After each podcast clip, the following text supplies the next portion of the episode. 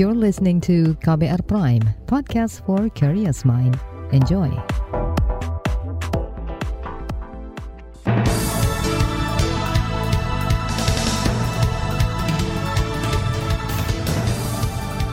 Selamat pagi saudara, senang sekali kami bisa menjumpai Anda kembali melalui program Buletin Pagi edisi Kamis 22 September 2022.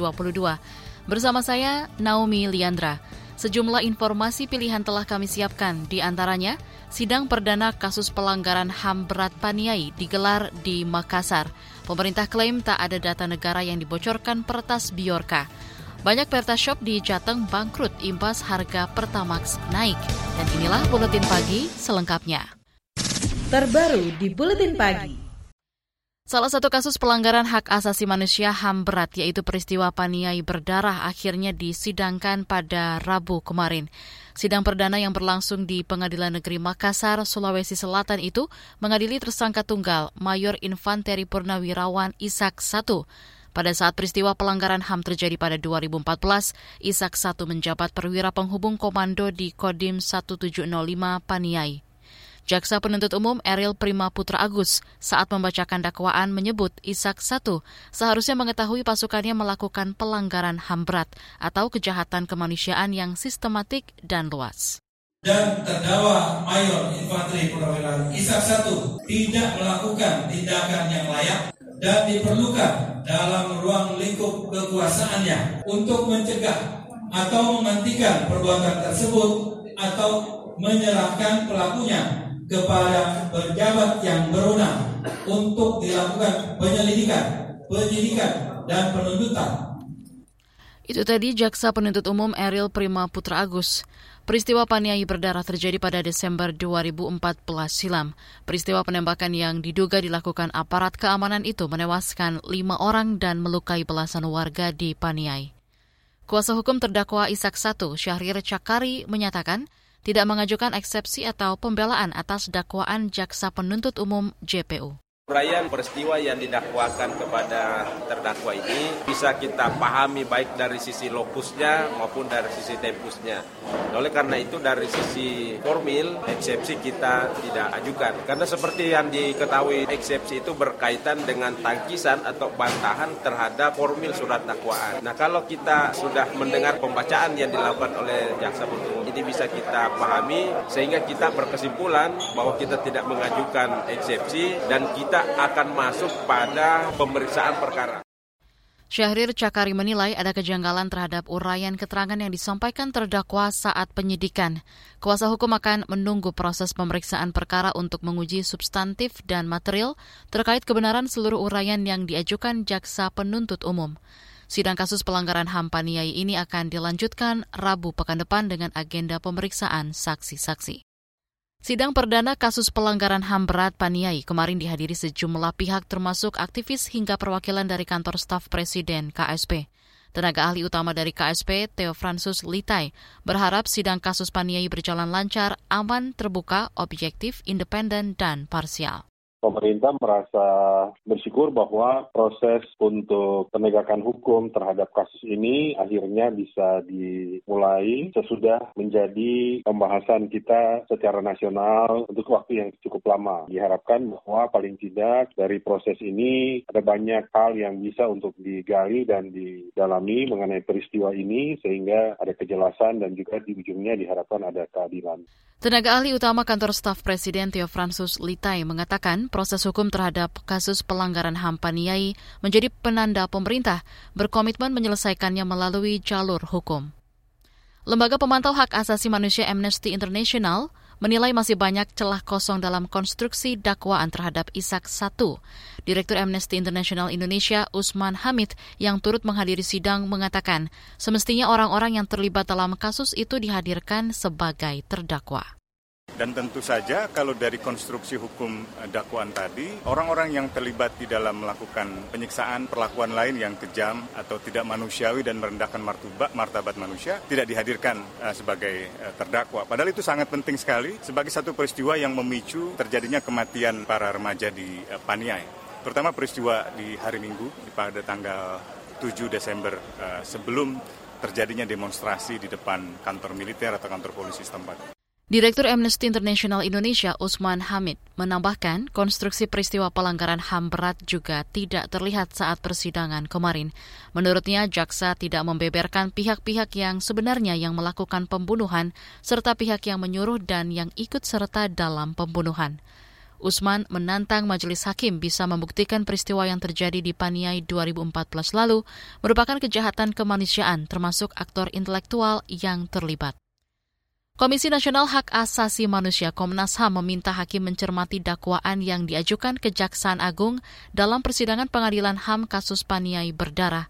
Wakil Ketua Komnas HAM Amiruddin Al-Rahab mengatakan, hakim harus bisa menjawab rasa keadilan yang dituntut keluarga korban kasus pelanggaran HAM Paniai. Kan jaksa mendalilkan dakwaannya itu uh, tanggung jawab komando ya. Nah, uh, kita berharap dakwaannya ini kuat Nah, sehingga proses pengadilan ini berjalan nanti bisa menjawab rasa keadilan bagi keluarga korban terutama dan publik pada umumnya. Nah, dari dari dakwaan yang dibacakan tadi, uh, mesti bisa hakim mesti cermat mengembangkannya. Wakil Ketua Komnas HAM Amiruddin Al-Rahab juga mendorong agar saksi dan korban mendapat perlindungan penuh dari Kejaksaan dan Lembaga Perlindungan Saksi dan Korban LPSK guna menghindari adanya tekanan kepada saksi dan korban. Saudara, tragedi Paniai berdarah menjadi satu dari beberapa kasus pelanggaran HAM berat masa lalu yang hendak diselesaikan pemerintah. Sementara sejumlah kasus pelanggaran HAM berat masa lalu masih terkatung-katung. Pemerintah berencana menyelesaikan kasus pelanggaran HAM berat masa lalu itu lewat jalur non-yudisial atau di luar pengadilan.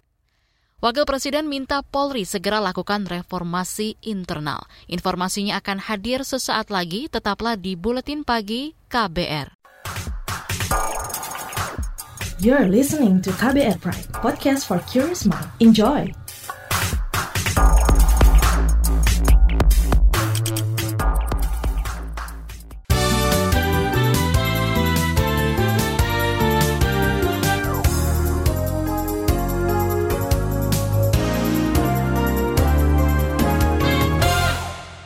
Anda sedang mendengarkan Buletin Pagi KBR. Wakil Presiden Maruf Amin meminta institusi Polri mempercepat reformasi internal. Menurut Maruf, reformasi internal Polri akan berdampak pada pelayanan masyarakat. Di tengah perbincangan publik yang luas atas Polri, saat ini juga merupakan momentum yang baik untuk melakukan percepatan reformasi di tubuh kepolisian sebagai ikhtiar untuk menghadirkan pelayanan terbaik dan meningkatkan kepercayaan publik. Mengembalikan dan memperkuat kepercayaan publik menuntut profesionalisme dan integritas yang dibangun dari internal institusi Polri. Wakil Presiden Maruf Amin mengatakan masyarakat tengah menaruh perhatian besar terhadap Polri, sehingga ia meminta segera ada pembenahan. Maruf Amin juga meminta kepolisian menjaga profesionalisme, teladan, dan contoh baik untuk masyarakat Indonesia. Sejumlah survei memperlihatkan institusi Polri mendapat tingkat kepercayaan masyarakat paling rendah di antara institusi penegak hukum.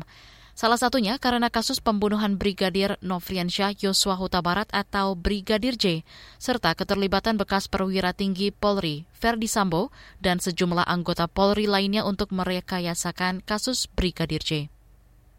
Pemerintah mengklaim tidak ada data negara yang dibocorkan peretas Biorka.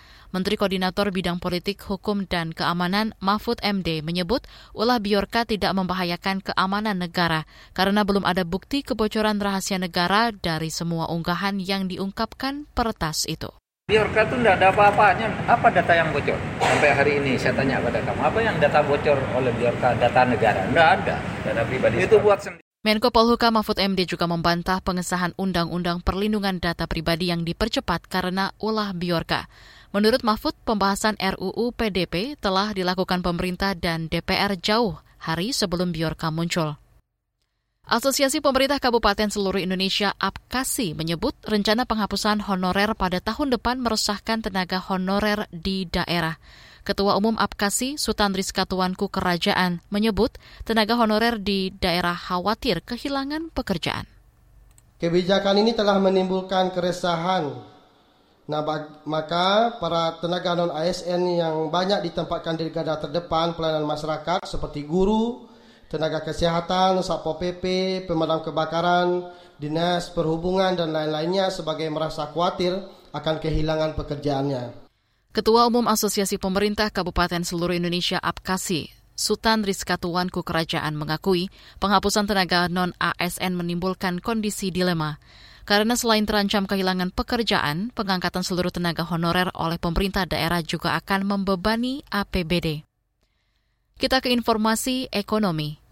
Pemerintah disebut tengah menguji coba program konversi LPG 3 kg ke kompor listrik di tiga daerah di Indonesia.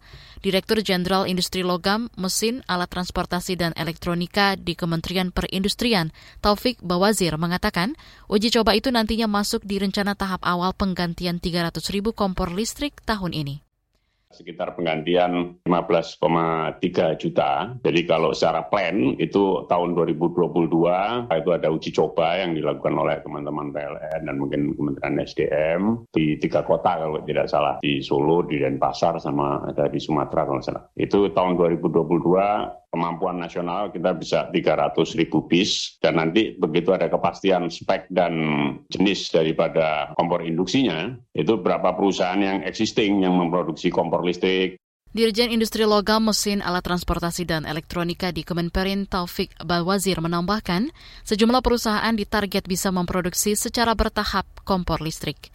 Rencana produksi kompor listrik ditargetkan bertahap yaitu 5 juta di 2023, 5 juta di 2024, dan 5 juta di 2025. Ia juga meminta konversi kompor induksi ini tidak membebani masyarakat. Sebelumnya, Menteri Koordinator Bidang Perekonomian Air Langga Hartarto menyatakan program konversi dari gas 3 kg ke kompor listrik telah dilaporkan ke Presiden Joko Widodo dan masih menunggu hasil uji coba. Kita beralih ke berita mancanegara. Badan Pengawas Obat-obatan Eropa EMA mengingatkan agar negara-negara di benua itu bersiap menghadapi gelombang baru COVID-19 meski terjadi penurunan kasus. Pejabat di lembaga EMA juga mengingatkan pandemi belum berakhir sementara musim gugur semakin dekat.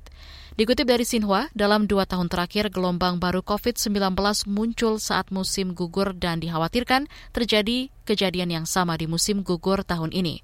Badan Pengawas Obat-obatan Eropa EMA juga menekankan pentingnya mewaspadai varian-varian baru virus corona.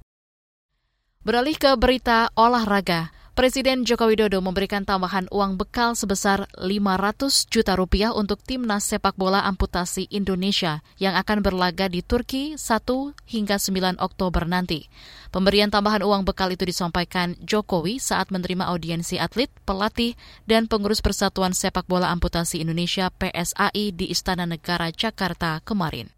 Bisa ditambahin tidak Pak? Ini biar untuk tambahan beliau-beliau yang ada di depan kita ini katanya oh bisa Pak kitanya nambah sedikit untuk sangu Bapak Ibu sekalian ke pertandingan yang akan diadakan di Turki tanggal 1 sampai 9 Oktober nanti sebesar eh, 500 juta ya, untuk sangu.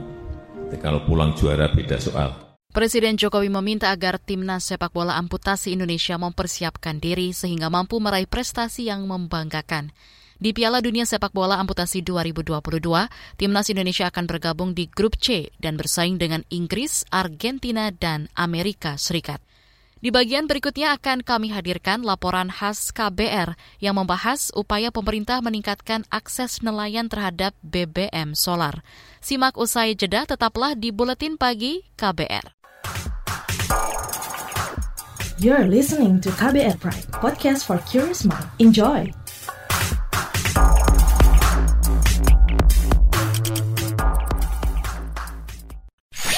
Commercial break. Commercial break.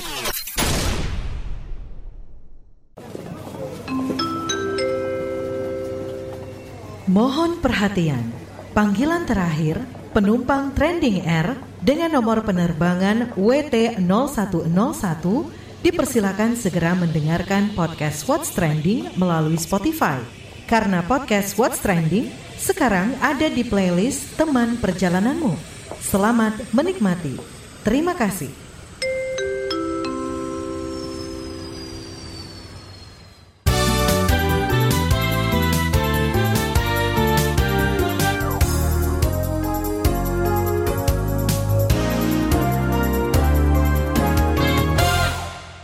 Anda masih bersama kami di Buletin Pagi KBR. Pemerintah meluncurkan program solar untuk nelayan.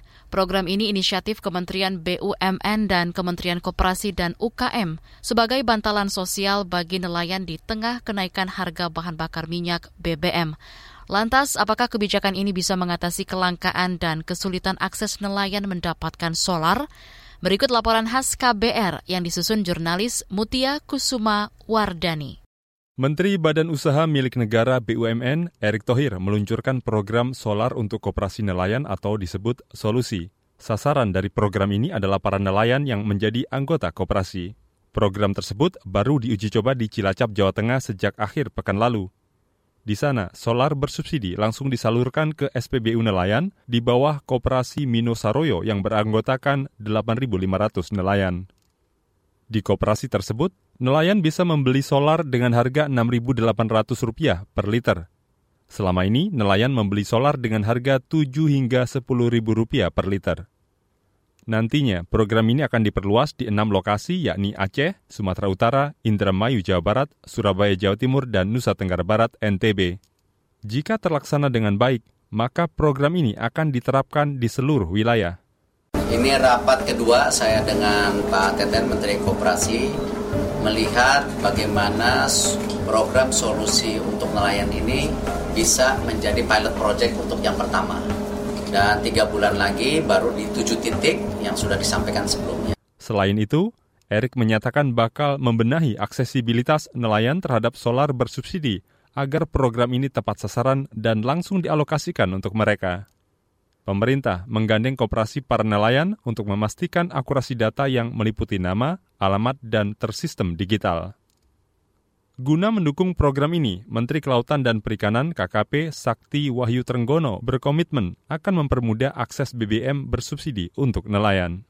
Salah satunya melalui perlindungan dan pemberdayaan nelayan untuk meningkatkan kesejahteraannya antara lain, terus mempermudah akses BBM bersubsidi untuk nelayan kecil. Upaya jangka pendek yaitu penyediaan BBM agar sedapat mungkin tidak berkurang, di mana KKP telah berkoordinasi dengan BPH Migas dan Pertamina untuk menambah kuota BBM bersubsidi ke masing-masing lembaga penyalur BBM nelayan agar tidak terjadi penumpukan kapal di beberapa pelabuhan perikanan.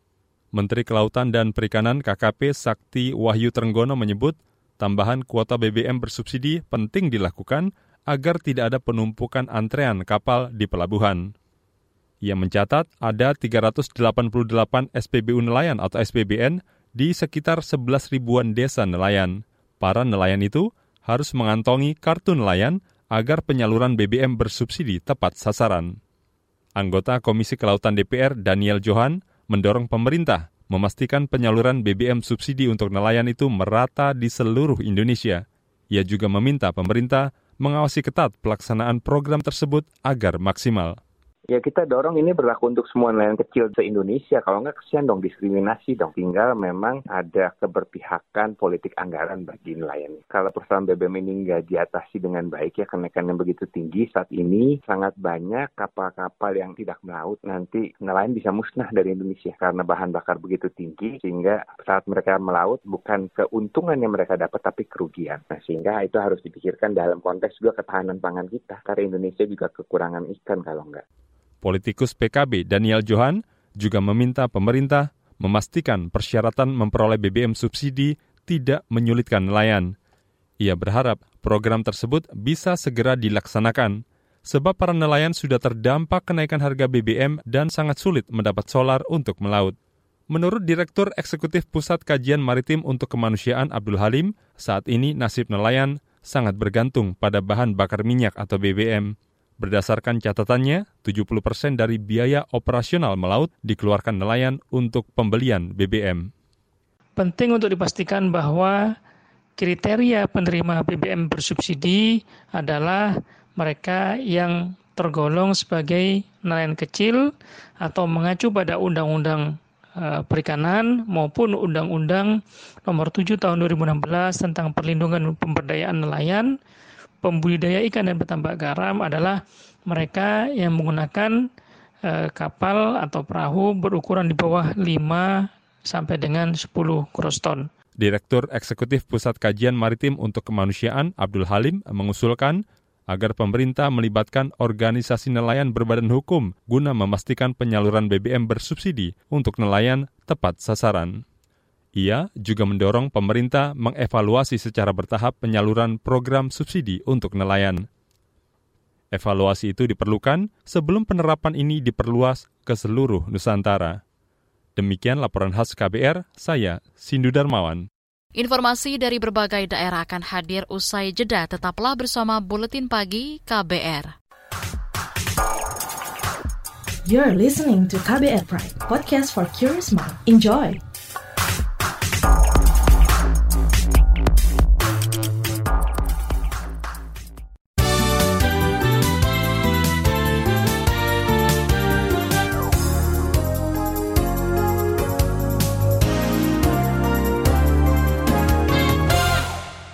Inilah bagian akhir buletin KBR. Kita ke Jawa Tengah. Sejumlah layanan penjualan BBM eceran atau pertashop di Provinsi Jawa Tengah gulung tikar. Para pedagang memilih berhenti beroperasi karena kesulitan menjual BBM setelah harga BBM jenis Pertamax naik dari Rp12.500 ke Rp14.500. Sekretaris Pengurus Daerah Himpunan Pengusaha Pertashop Seluruh Indonesia DPD HIPSI Jawa Tengah, Jengkar Tundung Janu Prihantoro mengatakan selisih harga Pertamax yang tinggi membuat pelanggan Pertamax beralih ke Pertalite. Saat ini sebagian Pertashop hanya bisa menjual kurang dari 100 liter per hari. Wah, kalau di saya mengenaskan, Bapak. Mas, teman-teman yang lain banyak yang tutup sudah di, di Pati itu Bapak. Hmm. Jadi harganya uh, terlalu tinggi, 4.500 ya Hmm. Uh, satu satu orang itu kalau orang uh, orang desa ya pak ya. Selisih lima ribu itu sangat berarti sekali. Apalagi beli bensin dengan uang lima belas ribu. Yang satu sisi dapat satu liter yang satu sisi dapat satu setengah liter. Selisihnya itu tinggi sekali. Ini pertamini pertamini semuanya ya nggak jualan pertama jualannya pertalite semua Sekretaris DPD HIPSI Jateng, Jengkar Tundung Janu Prihantoro, memperkirakan dari sekitar 1.000 pertashop di Jawa Tengah, lebih dari 100 berhenti beroperasi. Bahkan di Kabupaten Pati ada 6 pertashop tutup karena tak bisa menggaji karyawan. Kita ke Jawa Barat. Gubernur Jawa Barat Ridwan Kamil mengutuk perilaku sejumlah remaja berseragam SMA yang merundung seorang siswa penyandang disabilitas. Dikutip dari Instagram pribadinya at Ridwan Kamil, Emil memastikan pelaku perundungan ditindak sesuai prosedur hukum. Emil menginstruksikan relawan Jabar Quick Response memberikan pendampingan mental bagi korban perundungan itu. Saat ini tiga dari empat orang terduga pelaku perundungan menjalani pemeriksaan di Polresta Cirebon. Terduga pelaku perundungan akan dijerat Undang-Undang Perlindungan Anak. Sebelumnya, sebuah video yang memperlihatkan sejumlah siswa SMA tengah merundung seorang siswa sekolah luar biasa SLB. Kita ke Jawa Timur. Empat desa di Kabupaten Tulung Agung, Jawa Timur mengalami krisis air sebulan terakhir. Wakirin, salah seorang warga di desa Pakis Rejo, Tulung Agung mengatakan, untuk mendapatkan air bersih, warga harus mencari ke sungai dan sumber air yang tersisa. Saat ini kepolisian Resort Tulung Agung membantu pengiriman air bersih ke warga di empat desa yang mengalami krisis air yang ada di empat desa yang ada di dua kecamatan yaitu Tanggung Gunung dan Kalidawir. Untuk tiga desa yang ada di Tanggung Gunung yaitu Pakis Rejo, Tenggang Rejo, sama Desa Tanggung Gunung dan Kecamatan Kalidawir yaitu Desa Winong. Insya Allah untuk 200 kakak yang ada di sana ya. Ini adalah wujud empati kita semuanya seluruh Forkopimda ya. Seluruh Forkopimda bau membau bekerja sama ya untuk mengatasi ya insya Allah itu bermanfaat air bersih yang ada di sana ya. Tidak hanya hari ini saja kami berangkatkan. Kalau memang ada ya seluruh elemen masyarakat mau membantu silahkan. Kapolres Tulung Agung Eko Hartanto menambahkan 200-an kepala keluarga terimbas krisis air ini. Informasi tadi menutup jumpa kita di Buletin Pagi hari ini. Pantau juga informasi terbaru melalui kabar baru, situs kbr.id, Twitter kami di akun @beritaKBR, serta podcast di alamat kbrprime.id. Akhirnya saya, Naomi Liandra, bersama tim yang bertugas undur diri. Salam.